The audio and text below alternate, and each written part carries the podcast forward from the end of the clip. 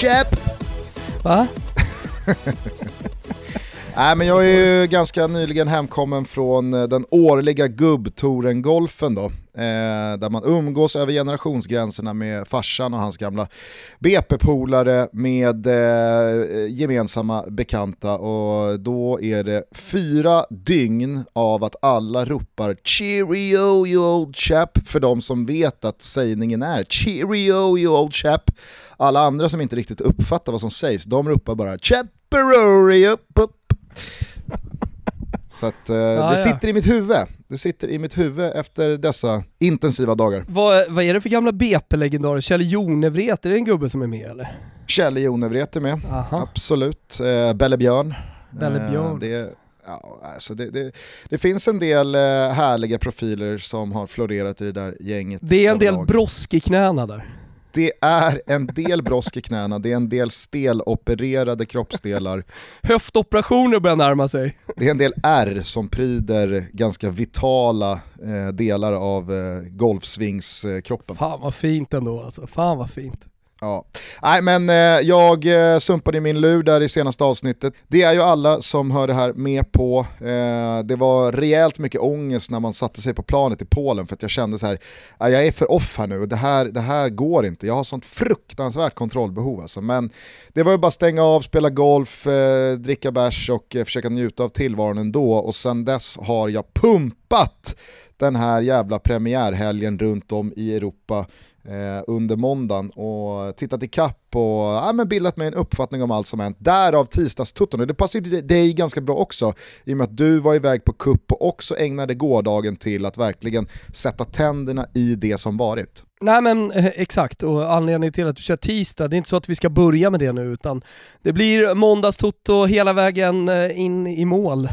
Det lät det som att vi skulle sluta. Det var många som tror att vi ska lägga ner podden nu när du har blivit programledare för Champions League-sändningarna. Det ska vi ju inte utan vi kommer, vi kommer fortsätta rulla på Toto. Det jag menar är att eh, måndagstotto är tillbaka nästa vecka med, med klassiska svep. Och eh, som du sa, jag var borta i Sundsvall på cup eh, Eh, och sen eh, vi som har, vi som har barn, eh, eller för alla oss som har barn som hade skolstart idag, eller här nu i dagarna, jag hade idag, så, så kom ju liksom den här ligastarten ihop med någon slags höst här.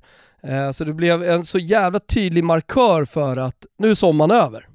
Ja, nu, nu, nu är det slut. När man gick upp i morse och det var 13 grader, eh, regnet öste ner, Florens grät, vägrade gå till eh, förskolan och eh, ja, men, eh, jag började kika in på ja, men, alla tidningar, vad som har hänt i helgen, om det är någonting nytt, det har spelats sjukt mycket matcher.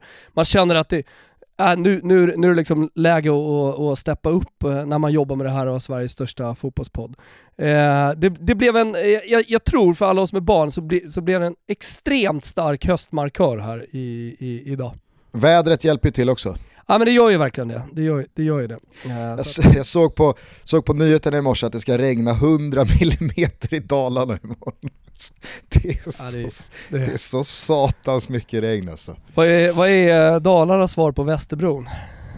Ja, jag vet inte, Dalälven. Dal, Dalälven! Ja det har varit i Det är bara att stoppa, så stoppa fickorna fulla med grus och hoppa ner i Siljan.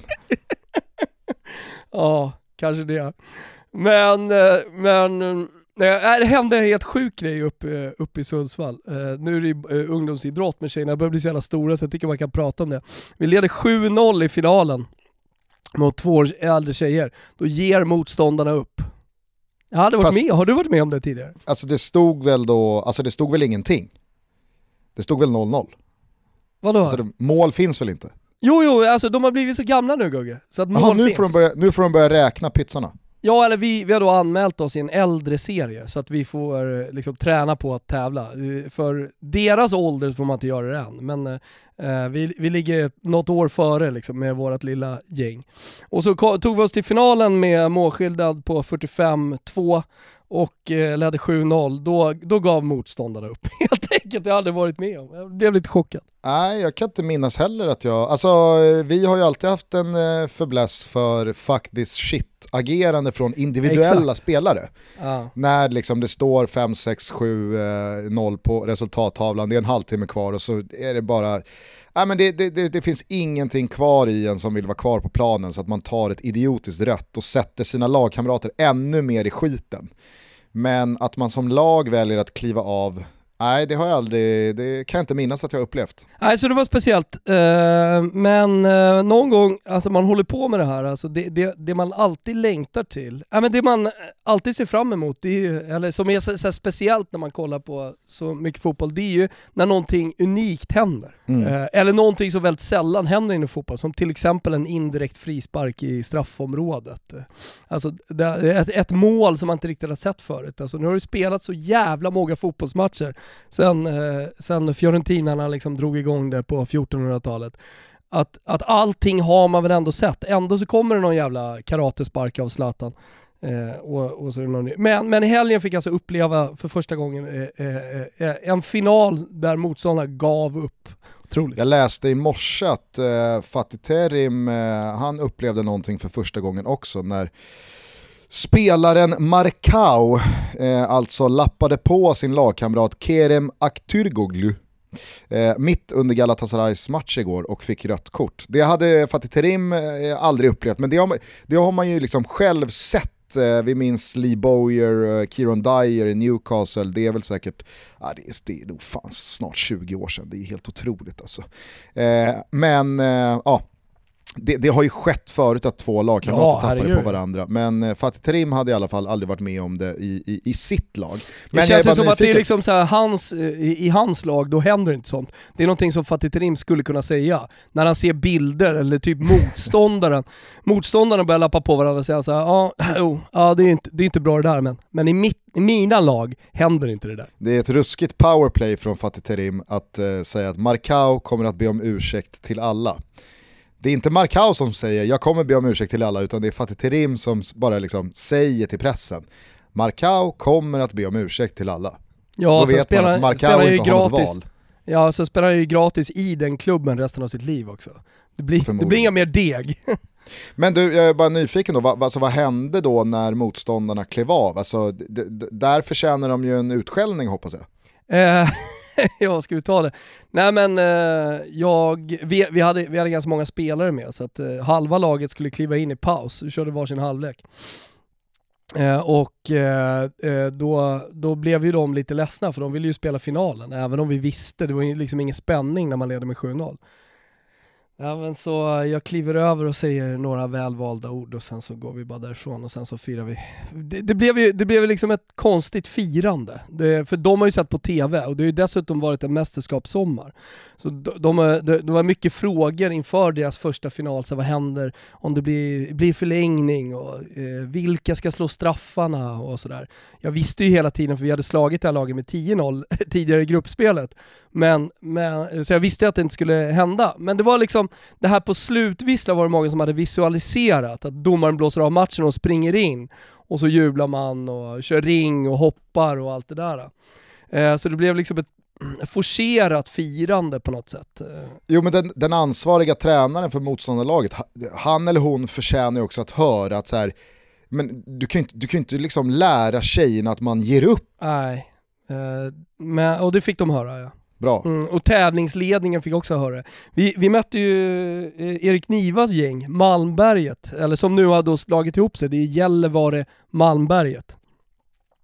Eh, och de, eh, för dem var det ju så jävla stort att möta oss. Det var liksom, eh, de, de, de var verkligen glada. Det var, det var kul, vi, vi, vi vann och det var ju liksom, de, lånade inte, de fick inte så mycket boll men, men det, det, var, det var en härlig match. Så att jag sa ju det till tävlingsledningen, för de spelar match om tredje pris, sa det fan varför skickar ni inte ner Malmberget istället, eller Gällivare då? Eh, och fick spela med dem, men, men nej, det, det, det blev, lite, blev lite sura miner där. Alltså ett lite bittert slut på en jävligt härlig helg annars. Ja, om den där tränaren i alla fall eh, hör det här så, eh, gulasch! Gulasch. Gulasch kan inte hålla på och lära 12-13-åriga tjejer och killar att ge upp bara för att det går emot och man ligger under stort. Nej, det, Det- handlar det- väl inte det- bara om fotboll, det är väl i, i livet generellt sett va? Man ger inte upp. Exakt. exakt. Förutom då de som väljer att stoppa fickorna fulla med grus runt Siljan imorgon. Siljan eller Dalälven. exakt. Eh, hörru du, vi, släpp, okay. vi släpper eh, flickturneringen i Sundsvall. Jag har oh, knackat ett matigt svep, vill du höra? Wow, kör. Herregud vilken jäkla blast from the past Premier League-premiären blev.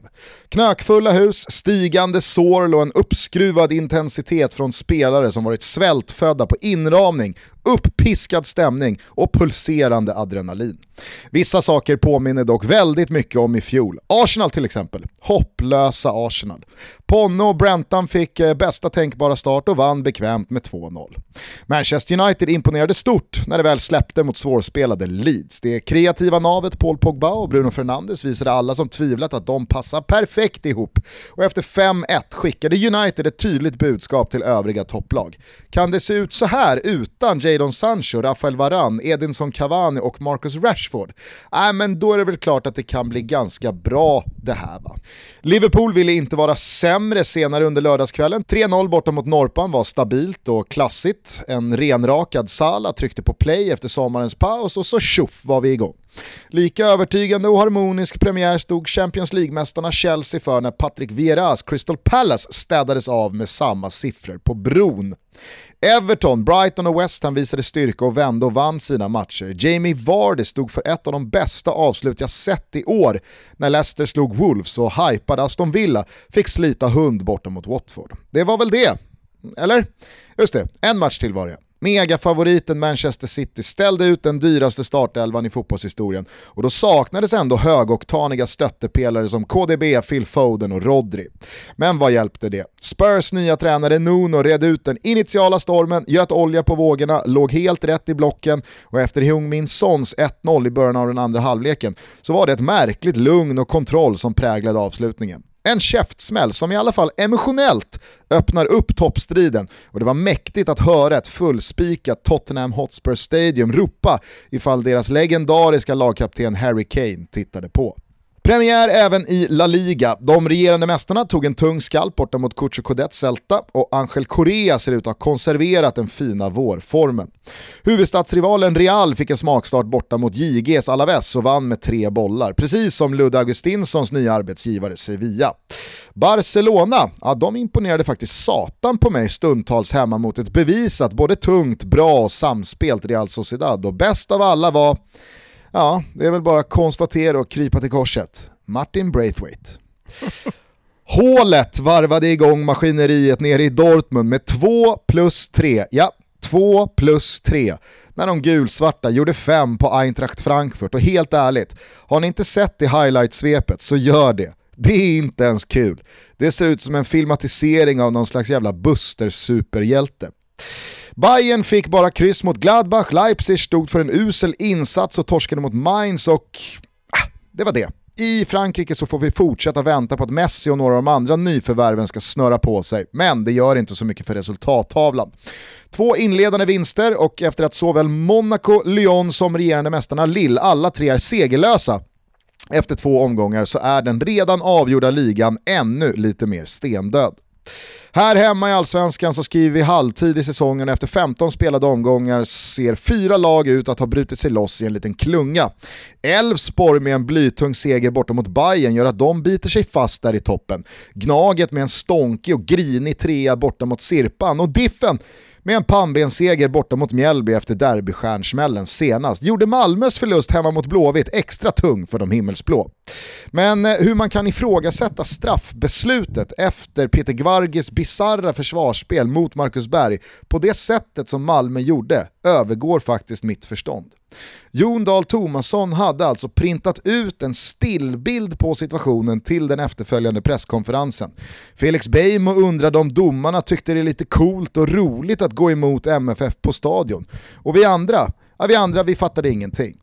Det var som att Malmölägret hade sett en filmning 15 meter utanför straffområdet.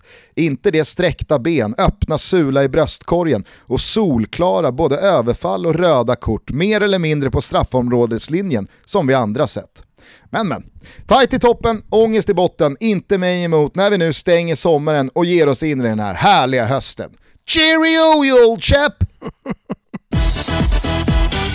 Vi är sponsrade av K-Rauta och hörni, fasen, det är hög tid att börja planera. Har ni inte gjort den, sätt er ner själv eller om du har en partner och börja skissa lite. Vad har ni för drömmar med huset eller lägenheten?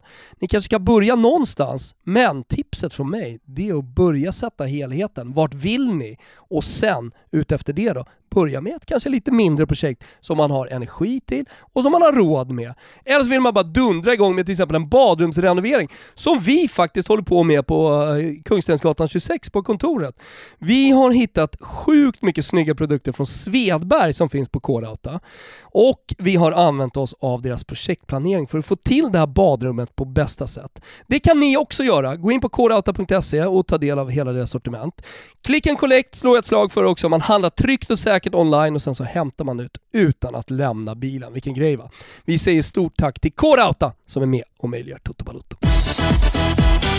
Hängde du med där på efterspelet efter Blåvitts eh, 3-2 mot Malmö? Eh, ja, det var svårt att undgå om man eh, sitter med Twitter några gånger per dag. Och du har sett situationen? Ja. Alltså den, den, har ju rullats i väldigt många olika vinklar. Det går ju absolut att argumentera för att Peter Gvargis fot och Marcus Bergs kropp under en viss del, kanske majoritet av den här sekvensen, är utanför straffområdet. Men i Sverige har vi inte VAR, vi vill inte ha VAR här, det har alla varit gemensamt med och beslutat.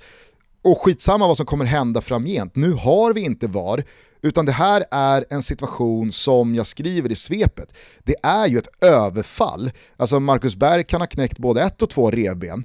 Det är ett idiotiskt försvarsspel och det är på straffområdeslinjen. Personligen, och det verkar väldigt många hålla med mig om, så tycker jag att den här situationen pågår ju in i straffområdet i och med att Marcus Berg är på väg i bollens riktning. Det är Peter Gvargis fot också. Och när Peter Gvargis fot släpper Marcus Bergs kropp någonstans vid knät efter att ha rafsat honom i en dryg meter så är ju allting innanför straffområdeslinjen. Så det, det, det, finns ju verkligen stöd för att även med VAR så hade det här blivit straff. Men nu har ja, vi inte alltså VAR... Med, med, vet, vet du vad, med VAR som ja. Eh, är kategoriska och svart på vitt, eh, går på millimeter, ja. så är det här straff. Ja. För att det räcker med att den här situationen är en millimeter Eh, alltså på, på, rätt sida linjen, det är väl på linjen va? Hur, på hur funkar det? Det skit. Ja, på Absolut. linjen.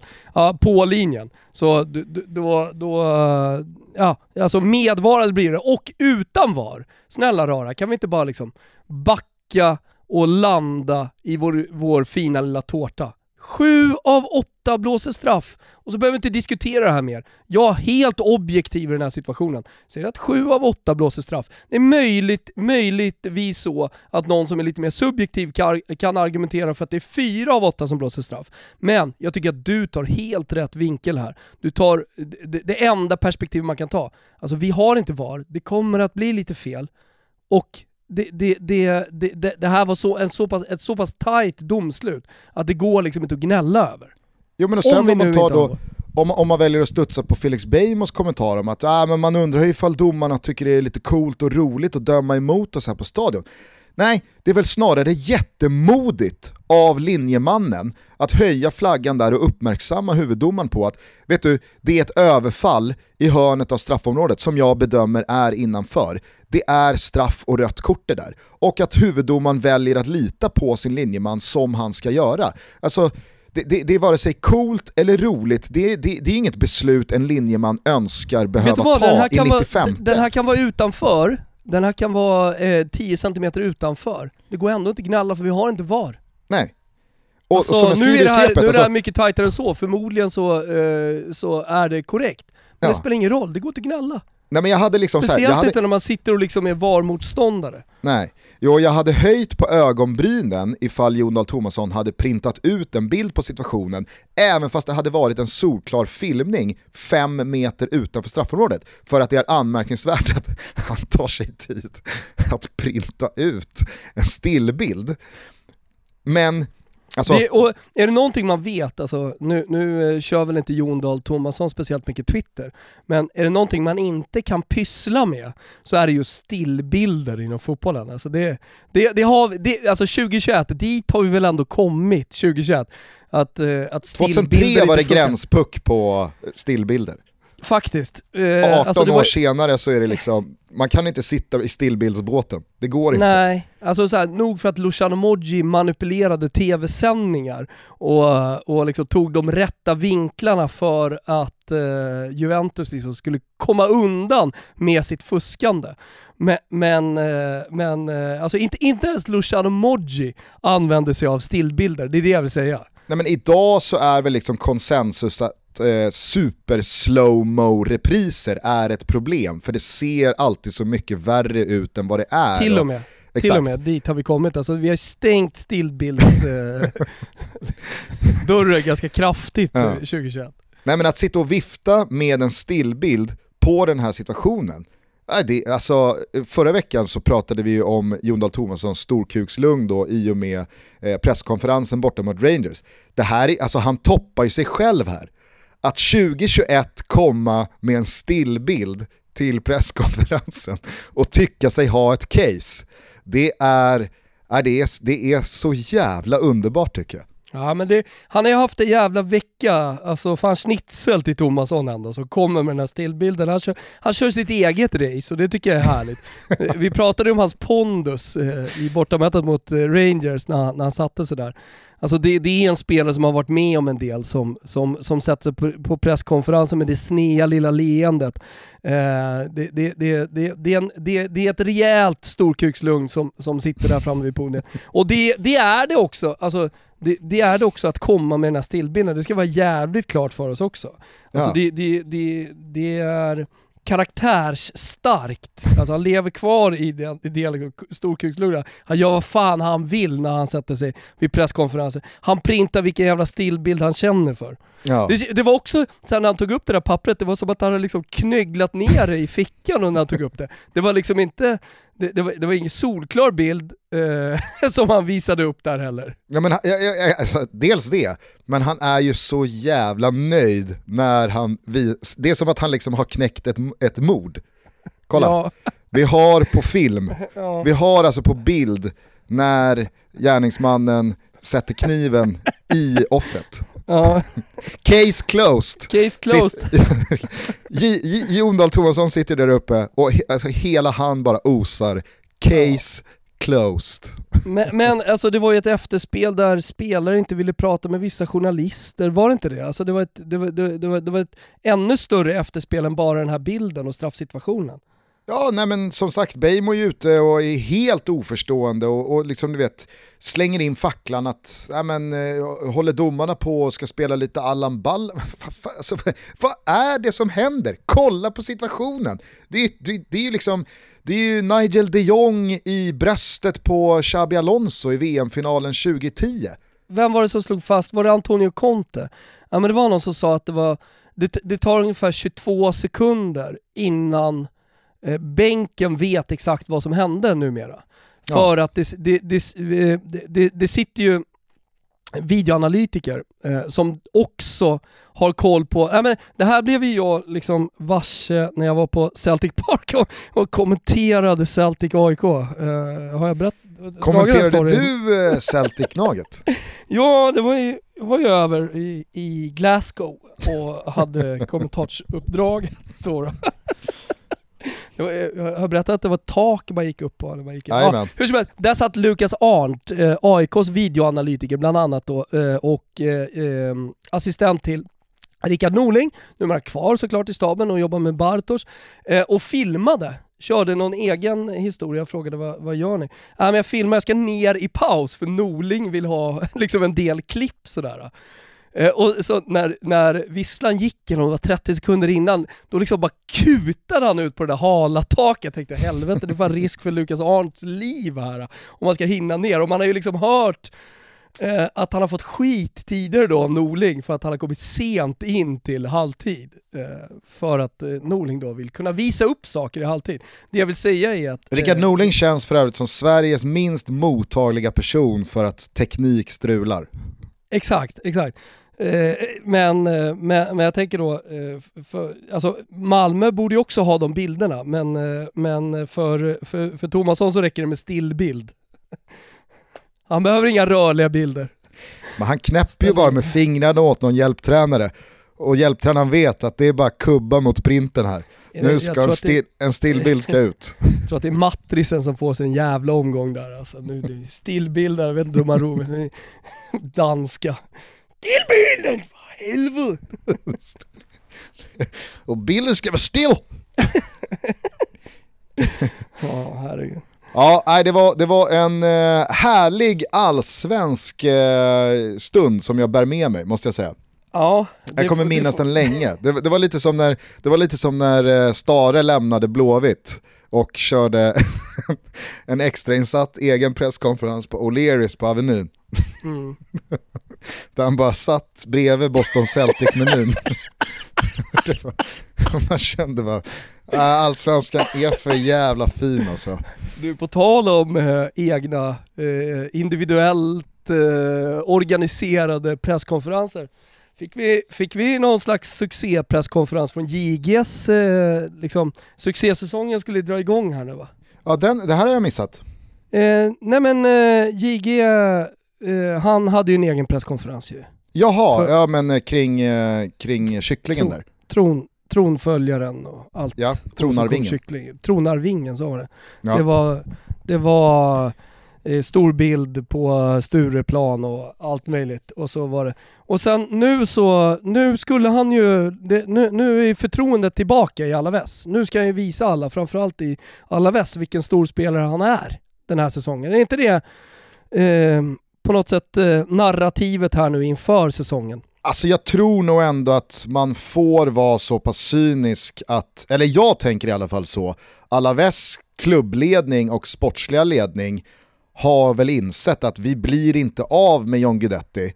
Så att om vi nu har honom sista året på kontraktet, ja då kan vi väl i alla fall spela honom mer än vad vi har gjort hittills. För att tidigare så har man ju, jag har i alla fall läst situationen så, inte spelat honom, fryst ut honom, satt honom på läktaren för att han själv ska liksom ringa sin agent och säga ta mig bort härifrån, hitta en lösning, jag gör vad som helst. Men han har väl antagligen inte landat eh, ett kontrakt någon annanstans med motsvarande deg, ganska mycket mindre kan man anta.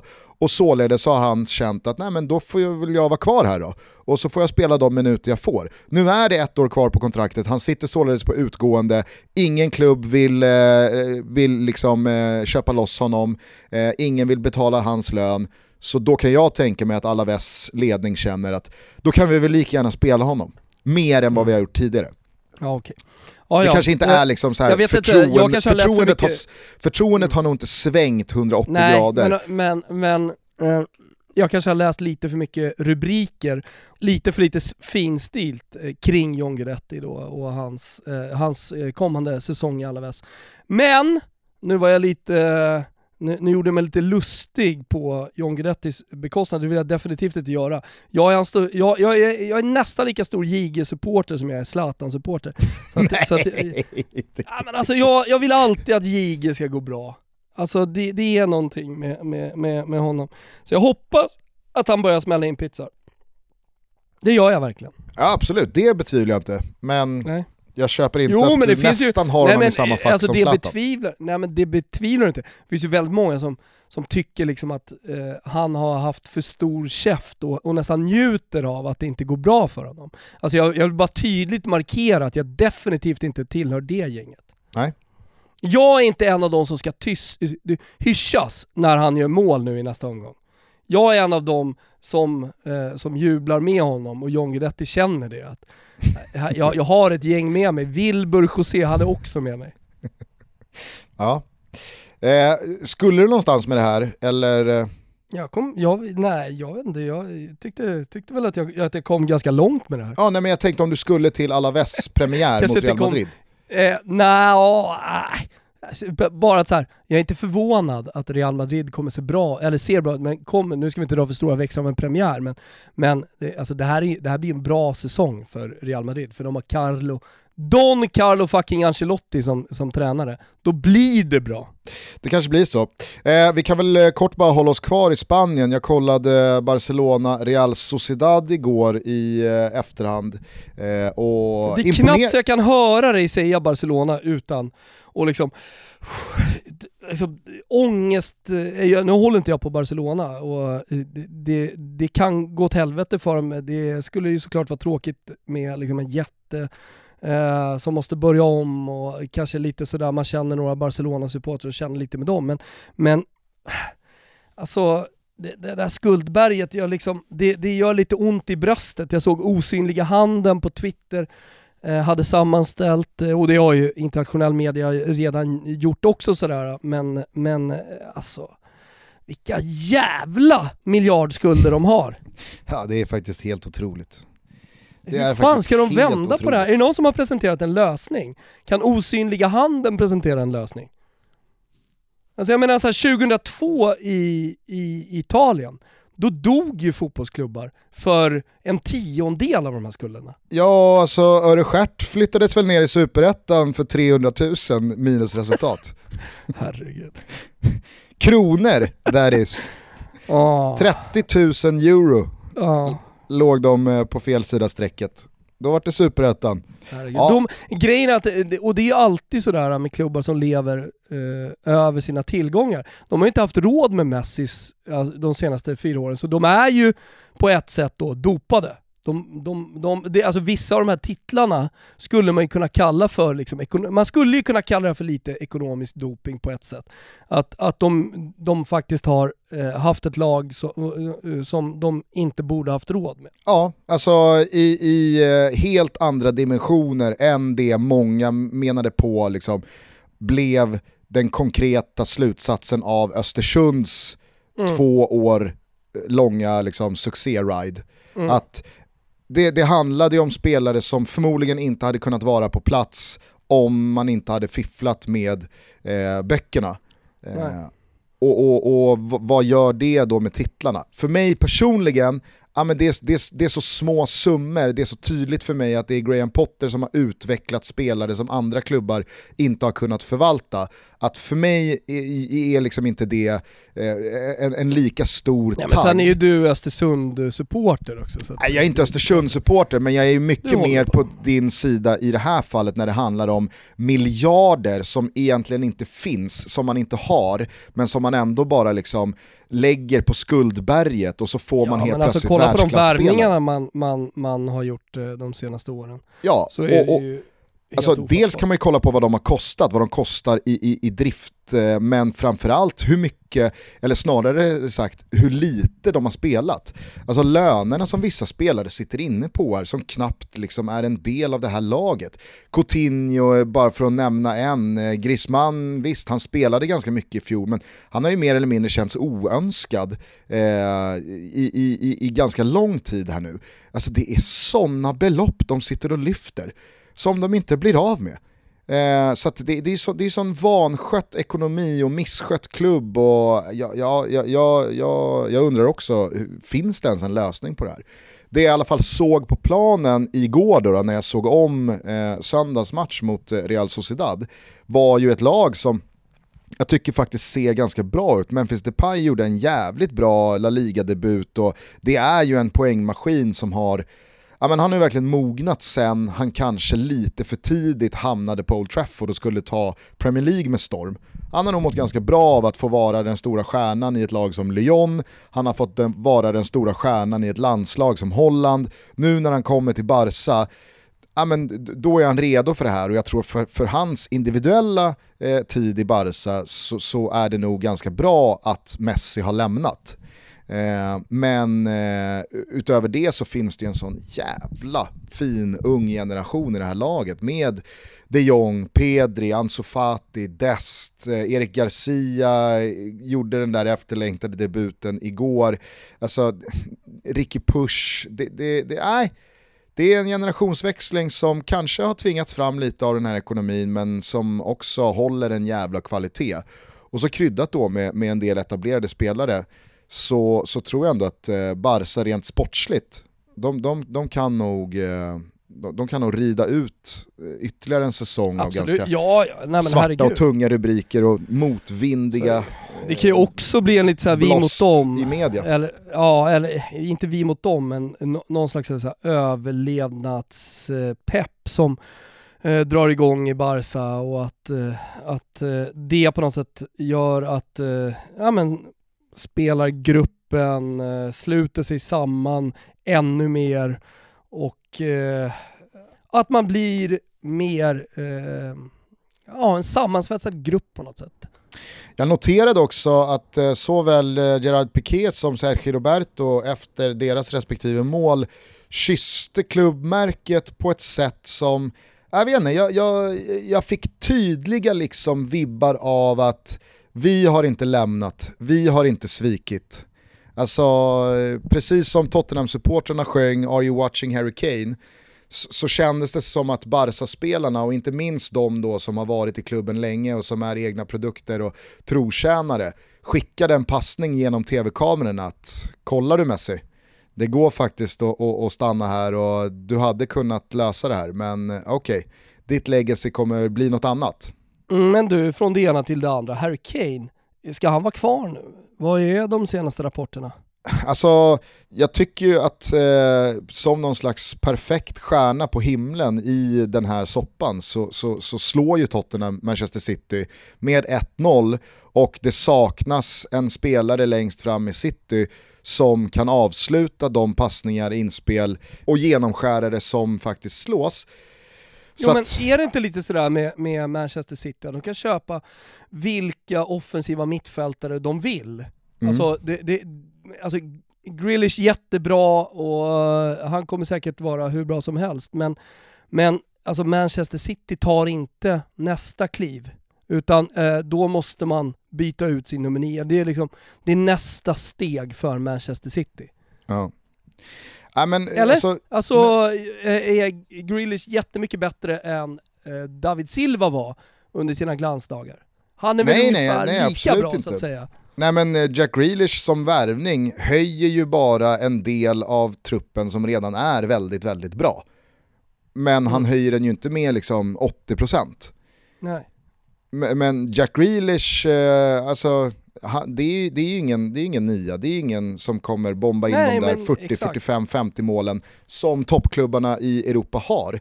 Lewandowski, Ronaldo, Messi, eh, ja, men det, det, det, det, finns ju ett par spelare som gör den där skillnaden. Och den, den spelaren är ju inte Jack Grealish, den spelaren är Harry Kane, men jag tycker att det blivit ett sånt jävla låst läge för den här matchen, för jag tror också att det är en sak för Kane att efter en sommar, efter ett mästerskap komma tillbaka, skippa att liksom återvända och sen så, så, så, får det väl visa sig någon gång i framtiden hur det egentligen var med det där gentlemen's agreement och om han eh, försöker strejka sig bort och så vidare och så vidare.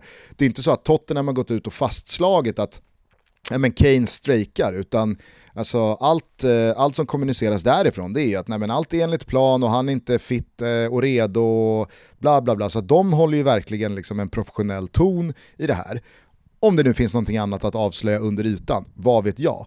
Men jag tror att det är lättare för Harry Kane att iscensätta en sån manöver och få till en flytt till Manchester City innan en säsong har dragit igång igen, det är fullsatta hus igen, han ser att Tottenham slår Manchester City, han ser att sin radarpartner Heung-Min Son gör målet, han hör liksom läktarna sjunga “Are you watching Harry Kane?”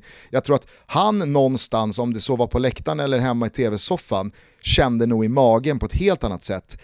Vad är det egentligen jag ger upp och gör ifall jag nu lämnar för Manchester City eller om det nu finns en annan realistisk klubb som kan ta honom.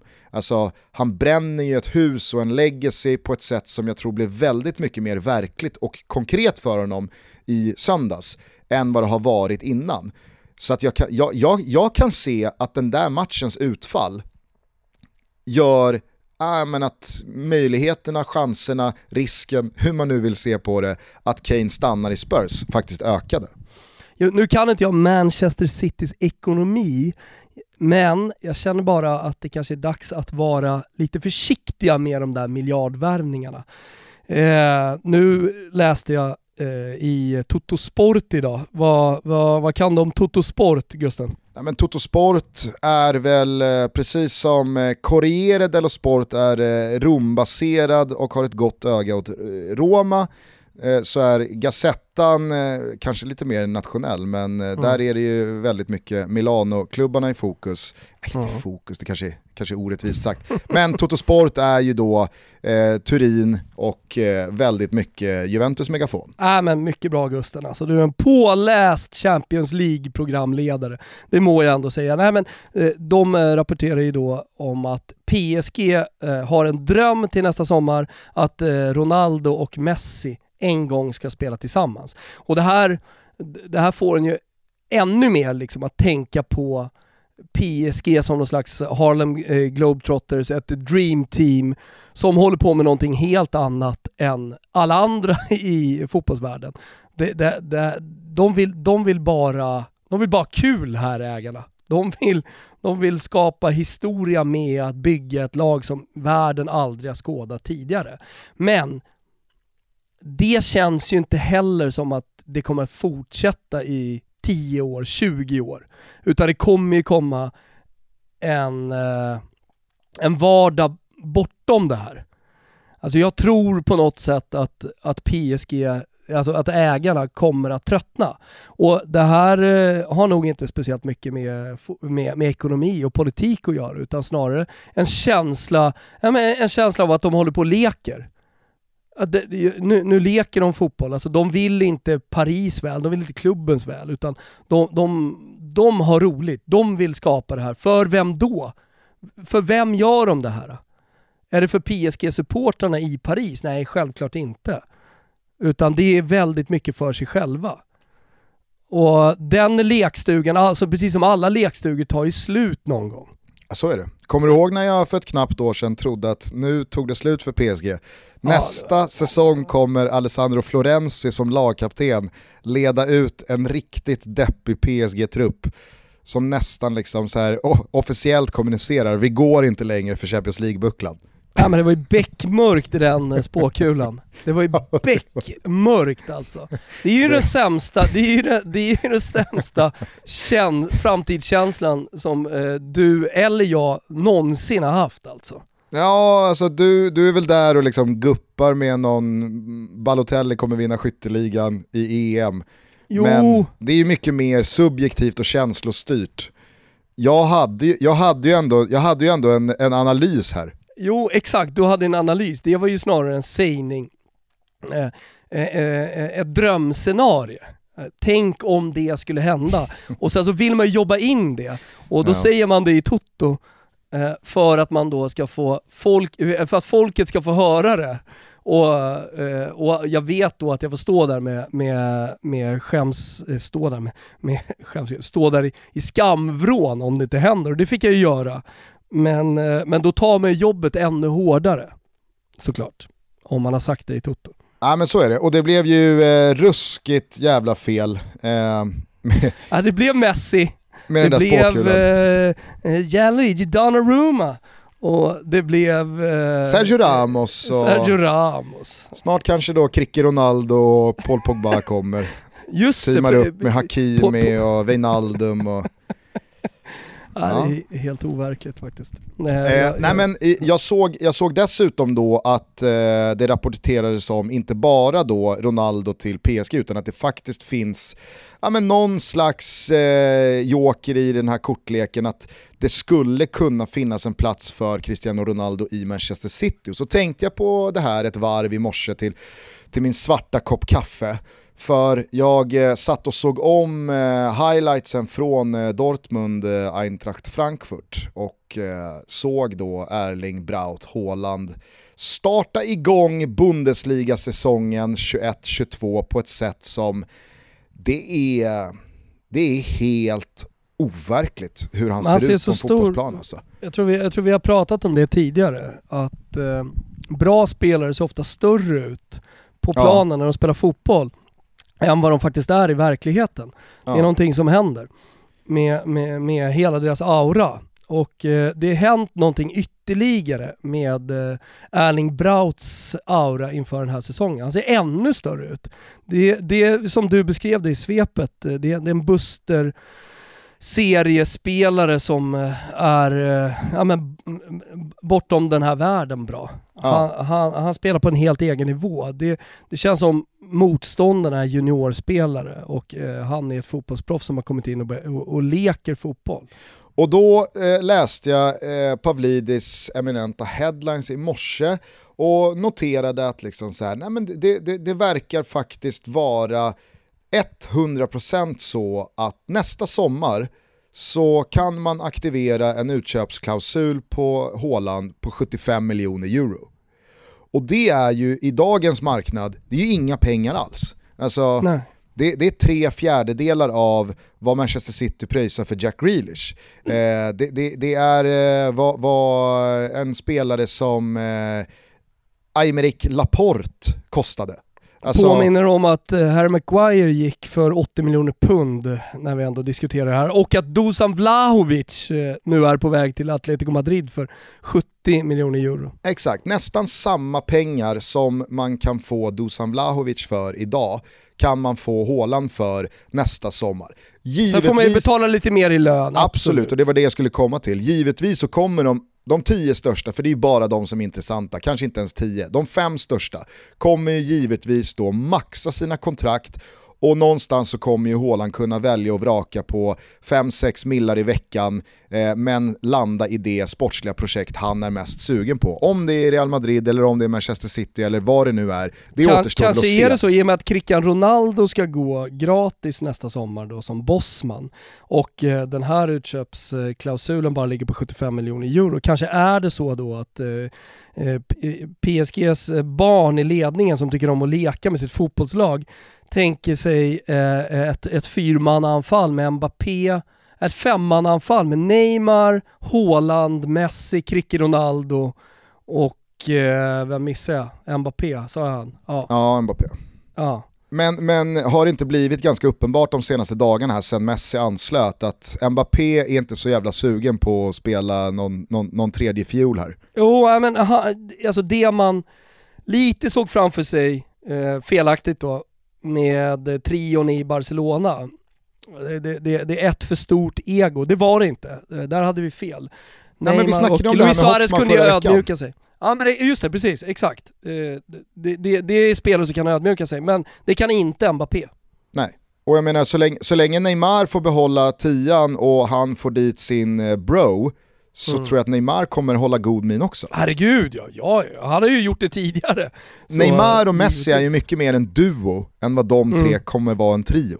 Exakt, alltså jag tror, tror nästan mer på att Icardi likt Luis Suarez går in och ödmjukar sig här den här säsongen än att eh, Mbappé gör det. Och således så, så kanske det uppstår då situation, en situation här i PSG. Ja, och vem vet, har Florentino Perez och Real Madrid lagt massa pengar på höga för att maxa och ta eh, Kylian Mbappé? Det återstår väl att se här sista två veckorna på fönstret. Men det jag i alla fall skulle landa i då, i min analys av hela den här situationen, det är att rimligtvis så sitter ju ganska många klubbar och bara väntar på att ett år ska gå så att man absolut kan vara med och aktivera utköpsklausulen, lägga 75 miljoner euro på Håland och sen då maxa kontraktet. Och är det inte då helt rätt av City att på en ettårslösning, eller kanske ett tvåårskontrakt då, vad han nu vill ha, gå för Ronaldo. Det här säsongen. Mm. Skippa Kane. Ta Ronaldo, mm. spela honom som nia och så väntar man in Haaland nästa men, sommar. Ja, men du, du, du, du, du är inne på någonting här som faktiskt Toto Sport var inne på i morse. Att eh, Cricky Ronaldo har eh, kontaktat, jag minns inte riktigt vad som stod, men, men ändå visat sig intresserad, kanske då via sin agent, det är väl rimligt att, att tro, eh, av att spela i Manchester City. Ja. Eh, så så det, det här skulle ju kunna bli liksom, riktigt konkret de kommande veckorna. Jo, men- det jag känns menar, ju bara för, att, bara för att ligorna är igång och Premier League nu har spelat sin första omgång och snart sin andra omgång, eh, så är inte transferfönstret stängt. Men det är lätt att rapporteringen liksom går från silly season och eh, bombervalsen till att faktiskt rapportera om vad som händer på planen, så glömmer man bort lite att transferfönstret är öppet. Alltså de här värvningarna som vi är inne på med Mbappé och Cristiano Ronaldo med ett år kvar på kontraktet i, i Juventus. Alla uppgifter om att eh, Cristiano Ronaldo nu vill ha ett år till med Max Allegri i Juventus, de, de är noll värda när Manchester City kommer med pengarna och Exakt, presenterar och- dem. För att då, då kan ju helt plötsligt, precis som med Lukaku, då kan ju Juventus svänga. Och när Juventus svänger, Cristiano Ronaldo börjar känna att vänta här nu, de saknar faktiskt en nia. Här kan jag eh, komma rätt in i ett projekt som jag passar perfekt i. Exakt. Ja, eh, eh, eh, det, det, det kan svänga snabbt, det är väl, det är väl dit jag egentligen vill komma. Och Manchester City borde väl ändå rimligtvis känna att för samma pengar, för Mm. jag kan tänka mig att Juventus släpper, om nu Ronaldo vill gå, ja men då, då alltså Juventus, de, de kan inte få ut mycket mer än 30-40 Nej. miljoner euro för Ronaldo. Nej, men det finns en lön där som de gärna eh, skippar. Ja, ja absolut, jag menar bara i, i en transfersumma så kommer det inte Exakt. handla om någon miljard för Ronaldo. Nej, nej. som Juventus Nej. köpte honom för eh, med, med ett år kvar på kontraktet. Utan det kommer nog bara vara en, ja, jag kan tänka mig 30 miljoner euro. Och om Manchester City då vet att på ett kalenderår så kan vi få Cristiano Ronaldo och Erling Braut Haaland. nu är jag där och säger Braut igen. Eh, Ja, till och med för- jag gjorde det tidigare. Jag, Ja, jag för, ett, kräktes lite på mig själv. för 105 miljoner euro i total eh, transfersumma istället för Harry Kane för, ja men ska vi, ska vi, ska vi utgå från då när Pep Guardiola säger att eh, Tottenham vill inte ens förhandla på 1,2 miljarder, att de måste upp kanske en bra bit förbi 1,5 miljard. Alltså då har du ju 4, kanske 500 miljoner kronor emellan i mindre transfersumma som du då kan lägga på en Cristiano Ronaldo-lön 21-22 och sen pytsa ut på en Haaland-lön som absolut inte kommer överstiga den lön som Kane hade fått. Så att det är ju samma ekonomi, men du kan få Cristiano Ronaldo 21-22 och från och med nästa sommar så har du Erling Haaland, kanske ihop med Ronaldo en säsong eller inte. Och så kan Harry Kane få die a legend i Tottenham. Trist för Harry, men är inte det här bäst för alla inblandade parter? Ja, jag gillar scenariet och jag, jag, jag älskar Dying Legends. Spelare som aldrig får vinna en titel under hela sin karriär. Det blev inte ens någon titel med England. De var i den där finalen, det var ett straffavgörande. Harry Kane kunde bli den stora kungen. Alltså han gjorde ju allt som man kunde förvänta sig av Harry Kane. Eller? Under sommarens EM. Men eh, Ja, precis kanske som... inte under precis- gruppspelet, men sen växlade han ju upp liksom. Ja, jo. jo. Men gruppspelet, det var ju tre raka segrar. Det, det glömmer att- man, jo men det glömmer man alltid. Alltså gruppspelet, de här första en, två, tre matcherna, de glömmer man. Det, det, det, det vet du ju om. Ja, ja, herregud. Jag menar bara att så här, alltså, han, han kanske inte var bäst på plan hela turneringen, men England vann Ah. ju matcherna i gruppspelet, så det, det hade ju ingen påverkan på utgången av Nej men det är deras det jag turnering. menar. Det är det jag menar. Jag menar, eh, Totti var ju också felfri och eh, dessutom mer än så under flera säsonger med, med Roma utan att vinna titlar. Så, så det, det, det, det, det är ett scenario i alla fall som, som äggar mig när du, när du lägger ut det så här.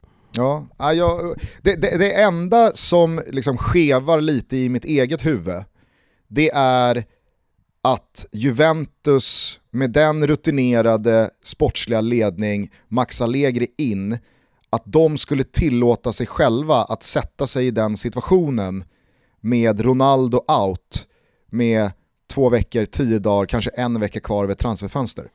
Ja, eller så har de planerat för det hela tiden, att det finns en plan B. Alltså man plockar in Skamacka eh, och man ger eh, Paolo Dybala fler nycklar i anfallet. Eh, glaslirare visserligen, det borde man ju känna till också. Men att, att det ändå finns en plan B här. Kanske, kanske att eh, man, man ger sig in i Vlahovic-soppan innan han kritar för Atletico. Ja, man är där och petar i, i Fiorentinas bästa spelare hela tiden. Så, Så att Florens får möjligt. ytterligare en Judas. Ja, det är möjligt.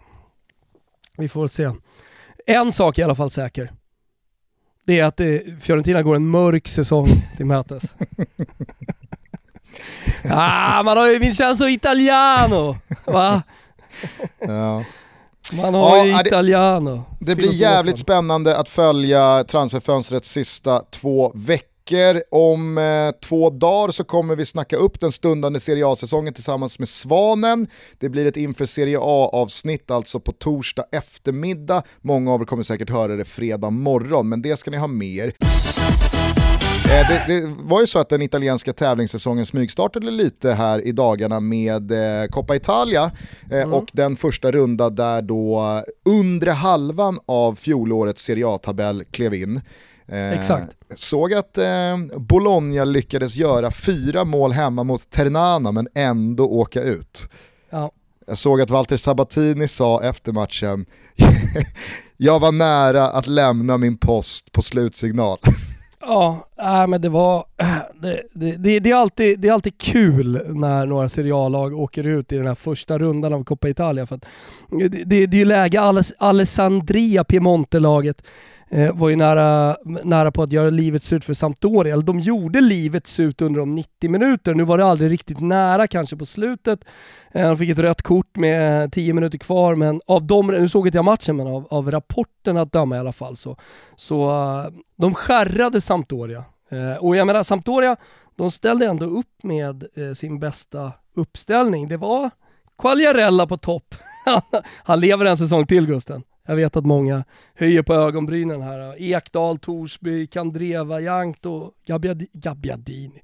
Alltså den gubben kanske borde, bo- borde kika på en Kina-sväng kan man tycka. Verkligen, mjölka den där spenan. Ja, ja syrran är ju bättre. Men eh, ja, eh, det, det, det, det är kul. Jag tycker att det är roligt när, när det sker skrällar för att lagen är inte riktigt redo. De eh, är fortfarande i någon slags försäsong. Jag vet att första omgången nu stundar eh, om några dagar men, men det är ju det är sällan man är på topp som Serie A-klubb eh, så här några dagar innan. Ja men så är det ju. Eh, vi kommer ju såklart eh, förse alla er som lyssnar på det här med eh, en bättre grundplåt att stå på inför den italienska säsongen då i, i nästa avsnitt som sagt. Eh, jag skulle vilja dela ut eh, en, en gulasch. Mhm. Eh, det är, eh, jag vet inte om du såg, eh, i samband då med den här eh, matchen Malmö-Göteborg så spelade ju båda klubbarna i eh, regnbågsfärgade siffror och eh, sponsorblaffer på sina respektive tröjor. Mm.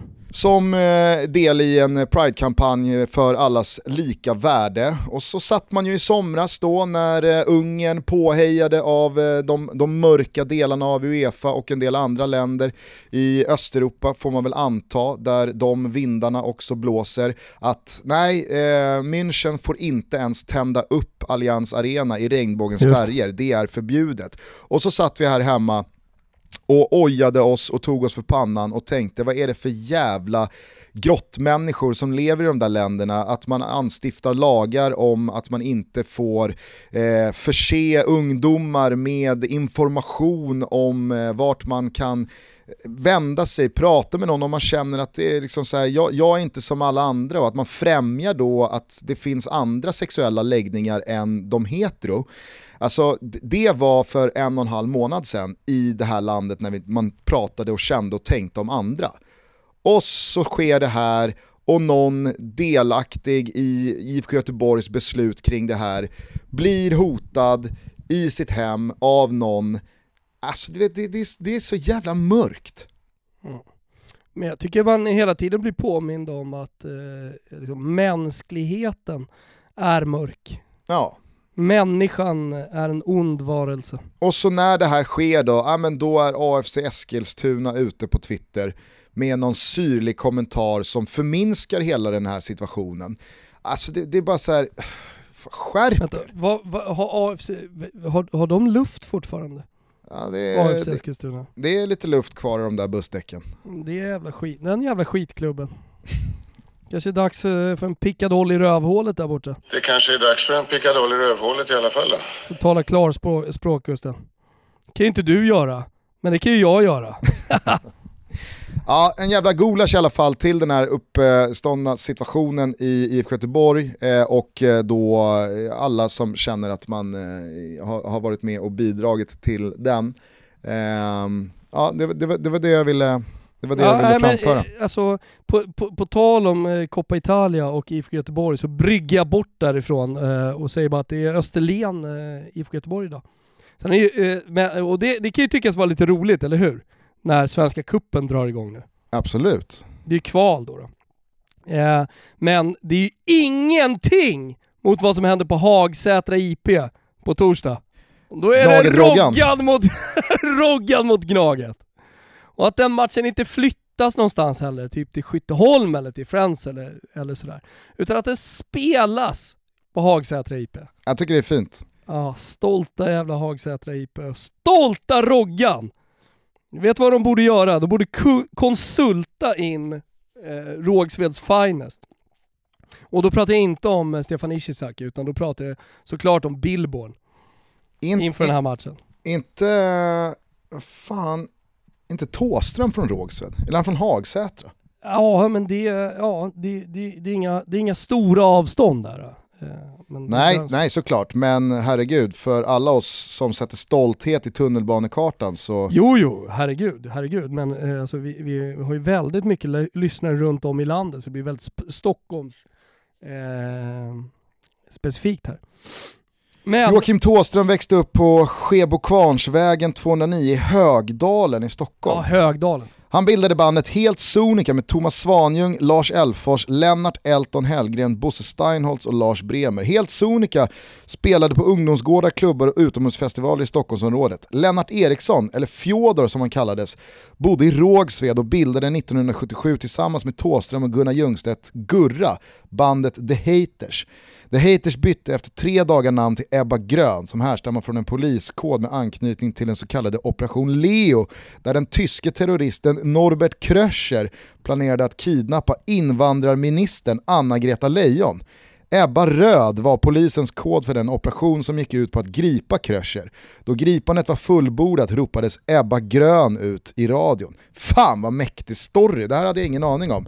Men okej, okay, då, är det alltså, då är det alltså Ebba Grön som är från Rågsved eh, och så är Tåström då lite från omnejden. Men eh, det, det, är ju lite eh, som eh, vi pratade om eh, tidigare, alltså när det händer saker inom fotbollen som som normalt sett inte händer. Det är unika saker, eller väldigt sällsynta saker inom fotbollen. Och eh, det, det, stora då med Rågsved eh, mot AIK, det är inte att matchen spelas och att det är Hagsätra IP och alltihopa, utan det är att Rågsveds nu dyker upp på Flashscore med logga och alltihopa. Det är, ju, det är ju någonstans det som verkligen ägg, äggar till, det som får pungen att pirra. Ja, så det kommer ju rapporteras om det här resultatet internationellt i någon obskyr blaska. Exakt, exakt, exakt. Ja. Eh, hörru du, eh, jag, jag, jag valde ju att hylla dem stort här i svepet. Jag känner att vi är på väg att avrunda avsnittet utan att ha pratat vidare om det. Men är, är, är det okej okay för dig gällande Manchester United? Att? Nej men att, eh, att, vi, att vi lämnar eh, deras insats mot Leeds här eh, till det som rapporterades om i svepet, eller vill du säga någonting om, om Uniteds 5 här och deras rivstart på säsongen? Jag, jag, men, jag tyckte alltså, det var du, jävligt du imponerande alltså. Du vet ju eh, att jag eh, håller en spelare i Manchester United eh, sjukt högt, Näst, nästan så att jag idoliserar honom på Zlatan Ibrahimovic alltså nivå. Det är ju en spelare som jag älskar. Och det är ju Paul Pogba. Mm. Och jag tyckte att han var helt fantastisk under, under EM. Och jag älskar att kolla på honom och spela fotboll. Och jag, jag, har, jag har lidit eh, under de säsonger som man har använt honom fel, eller i kombination kanske man ska säga med, med hans egna eh, motivationsbrist och äh, egna agender, ja precis. Eh, men eh, att se honom under EM och att se honom nu spela ut hela sitt register, det är jag, jag, väntar bara på att han ska börja lossa sitt skott för att jag vet att han har 5-6 dista distansskott. Inte i krysset Gusten, för det är inte Paul Pogba. Utan Paul Pogba sätter den eh, alltså i, eh, i, i mitten, höjdmässigt, av målet. Men nära stolpen.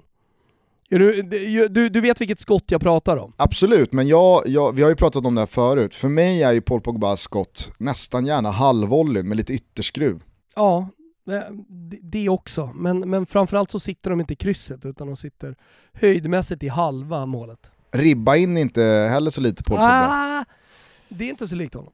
Nej, Nej men eh, jag, jag såg att du skrev det på Twitter inför eh, Premier League-premiären där, att City kommer inte vinna utan eh, det, det kommer vara... Det, det, ja, men det är jag tämligen säker på till och med. Ja, och det, och det var ju som jag skrev i svepet, det var ju, nej jag vet, det här skrev du ju innan. Eh, men, men det blev ju också en premiärrunda som, som, jag, som jag beskrev det i svepet som, emotionellt öppnade upp den här toppstriden tror jag för många. Mm. Man kände nog alla som såg Manchester United eh, spela ut registret mot Leeds med det sparkapital man har utanför planen. Nu vet jag att Jadon Sancho hoppade in, men alltså Varan, Cavani, Rashford och så vidare. Alltså, det är klart att eh, United med, med, med, fullsatta hus på Old Trafford kommer stapla poäng på hög och, och, och, och vilja vara med. Det finns ju liksom bara det steget kvar för United att ta, utan de kommer inte nöja sig med att vara tvåa, trea, slåss om en Champions League-plats. Eh, och så har du Liverpool då som har fått behålla väldigt mycket samma lika trupp, van Dijk tillbaks, Klopp är kvar. Alltså Salah, Mané, Jota, Firmino, de är inte slut på långa vägar. Alltså det, det, det är ju... Eh, det är, det är ju ett par lag där, och då har vi liksom inte ens nämnt Champions League-mästarna Chelsea, som har förstärkt en Champions League-vinnande trupp med Romelu Lukaku. Exakt. Nej, men jag, jag, jag, jag, jag, är, jag är inte jätteimponerad av att Grealish kommer. Det, det, det vill jag bara slå fast, för att jag tror att Manchester City eller kanske framförallt man ska nämna Pep Guardiola här, han, han, han klarar sig med det de alternativen som redan fanns. Det blir inte så mycket bättre med Grealish. Ja. Det, det var inte den positionen man behövde förstärka.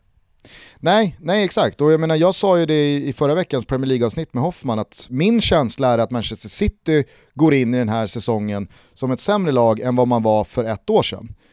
Och det såg jag var en del som reagerade på och studsade på på Twitter. Och hur kan du säga så? De har värvat in Grealish och tapp, knappt, eh, knappt tappat en spelare. Visst, Kun har lämnat. Ja men det är ju, alltså så här, jag har ju alltid varit en förespråkare för att man också måste, liksom, man måste byta lite olja, man måste... Mm. Jag, jag, tror inte att Manchester Citys evigt roterande och uh, uteblivna liksom 12-13 uh, kärna Alltså det, det, det, jag tror inte att det kommer funka så jävla bra liksom. Utan det kommer komma de här matcherna när de kör fast och då står man och tittar på liksom varandra. Vem, vem ska göra det här nu då? Äh, det, jag, håller, jag håller med. Nej, men jag skulle bara säga det kort, eh, för jag nämnde ju det i svepet här att eh, jag, jag hade sån jävla kärlek till Jamie Vardys mål. Eh, jag såg att det var Just. många som, ja men Marcos Alonsos frispark är såklart fantastisk och Luke Eilings skott mot United, också en fin eh, vristpipa. Men tittar man på Leicesters mål mot Wolves och tittar man i synnerhet på Jamie Vardys först löpning, ytan tar och svårighetsgraden i det avslutet. Alltså, det är sån världsklass. Så att jag, jag, jag bara liksom jag blev helt lycklig av att se det målet. Det, det, finns, det finns fem människor på den här planeten som kan göra det där. Och mm. det är häftigt att se sådana avslut. Ja, det är det. Men du, avslut, City, ja, nu, nu, är, nu, är, nu, är, nu är jag trött på allt surv Gustav. Nu vill jag veta, nu är det slut på hysch hysch. Imorgon på Simor, alltså då pratar jag om onsdag, så eh, visas första Champions League-matchen. Ah? Och eh, då vill man ju veta, vad är det för uppställning? Hur ser det ut? När börjar sändningen borta på Simor? Eh, vi drar igång 20.00 nerifrån eh, Eleda stadion i Malmö. Eh, ah, det, kommer... det är Bordo Campo-sändning? Bordo Campo, absolut. Eh, jag är på plats i studion tillsammans med Kim Källström och Olof Lund.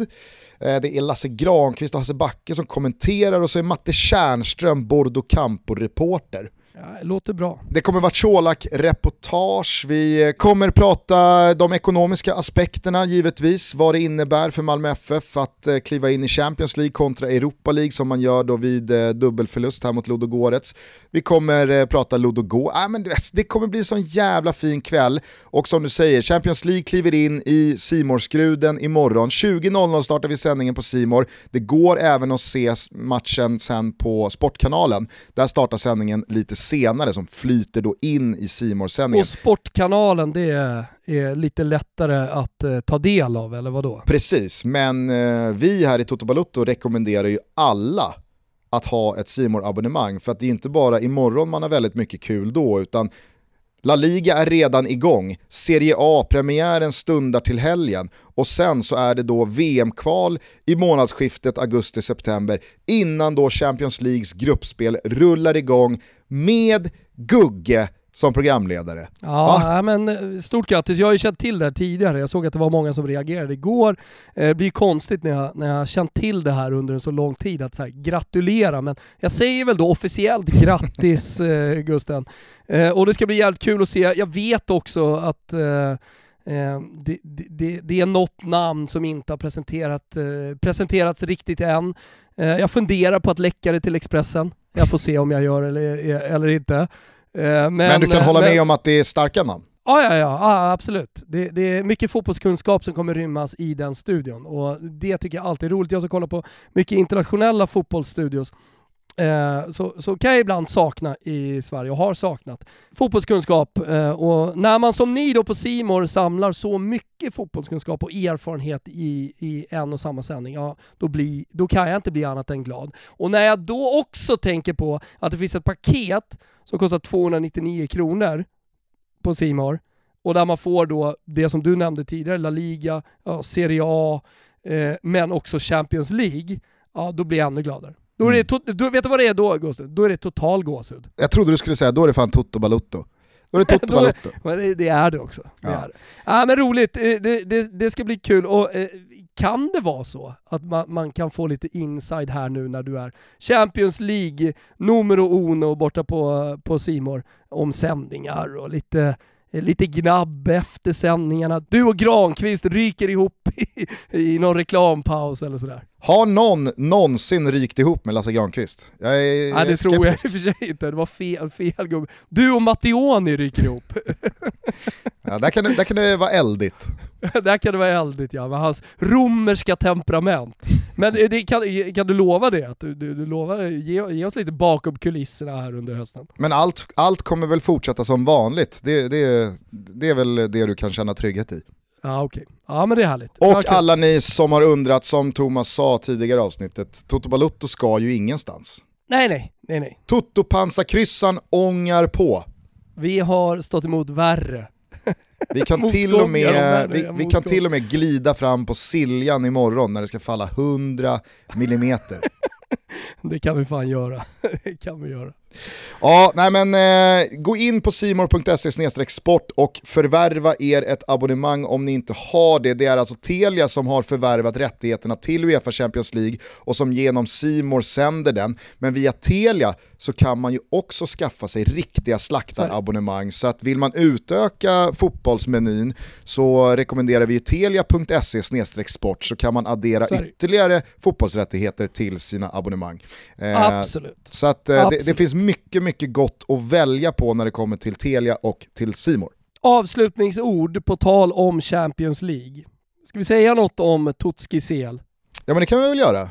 Mm. Vi drog 2018 igång eh, vår lilla dotterpodd Tutski Balutski som var en guide inför VM 2018 i Ryssland. Eh, vi tog det vidare och gjorde precis samma sak inför EM och vi har förstått att det är väldigt eh, uppskattat. Så nu, om någon vecka, så drar vi igång Totski CL. Precis. Berätta mer Gustav. Nej men eh, vi kör åtta avsnitt, eh, ett avsnitt om varje grupp, således kommer vi givetvis behöva invänta lottningen som alltså sker eh, torsdag kväll nästa vecka den 26 inte.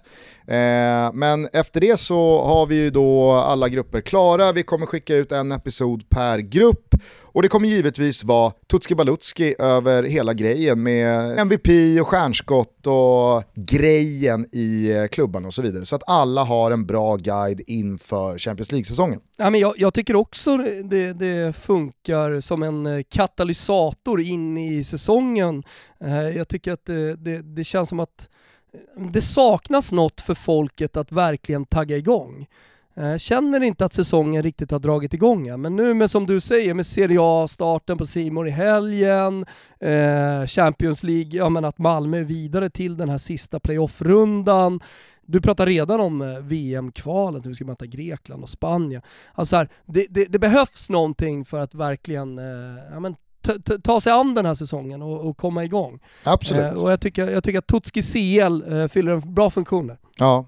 Eh, hörni, vi eh, ses om ni vill imorgon i Simor från Eleda stadion i Malmö Underbar. när det alltså är Malmö Ludogorets i Champions League playoff. Eller så hörs vi igen på torsdag eftermiddag kväll någonstans när vi snackar upp den stundande Serie A-säsongen tillsammans med Svaneprutten. Mm. Ja, men jag skickar mina punkter inför, uh, inför sändningen imorgon då. Kommer på mail. Ja, tack, härligt. Ja, eh, ja, nu skulle jag, vilja jag skulle vilja avsluta den här episoden med Tina Turners The Best. Jag skulle vilja tillägna den till den bästa fotbollsspelare som kommit ur Varberg, Peter Grim, 63 år idag, eh, som tog mig till skolan och eh, visade mig hur man spelar golf i, i Polen här i dagarna. Det är en sån okay. jävla fin eh, person. Grimgubben. Att, här kommer eh, the best till eh, Grimgubben. Härligt, härligt. Hörni, tack för att ni lyssnar. Fortsätt göra så. Snart är vi i gängorna igen med vanliga måndagstoto och eh, torsdagar som faktiskt har fotboll att eh, rapportera. Det är underbart att hösten är här Gusten! Verkligen. Ciao tutti! Ciao tutti!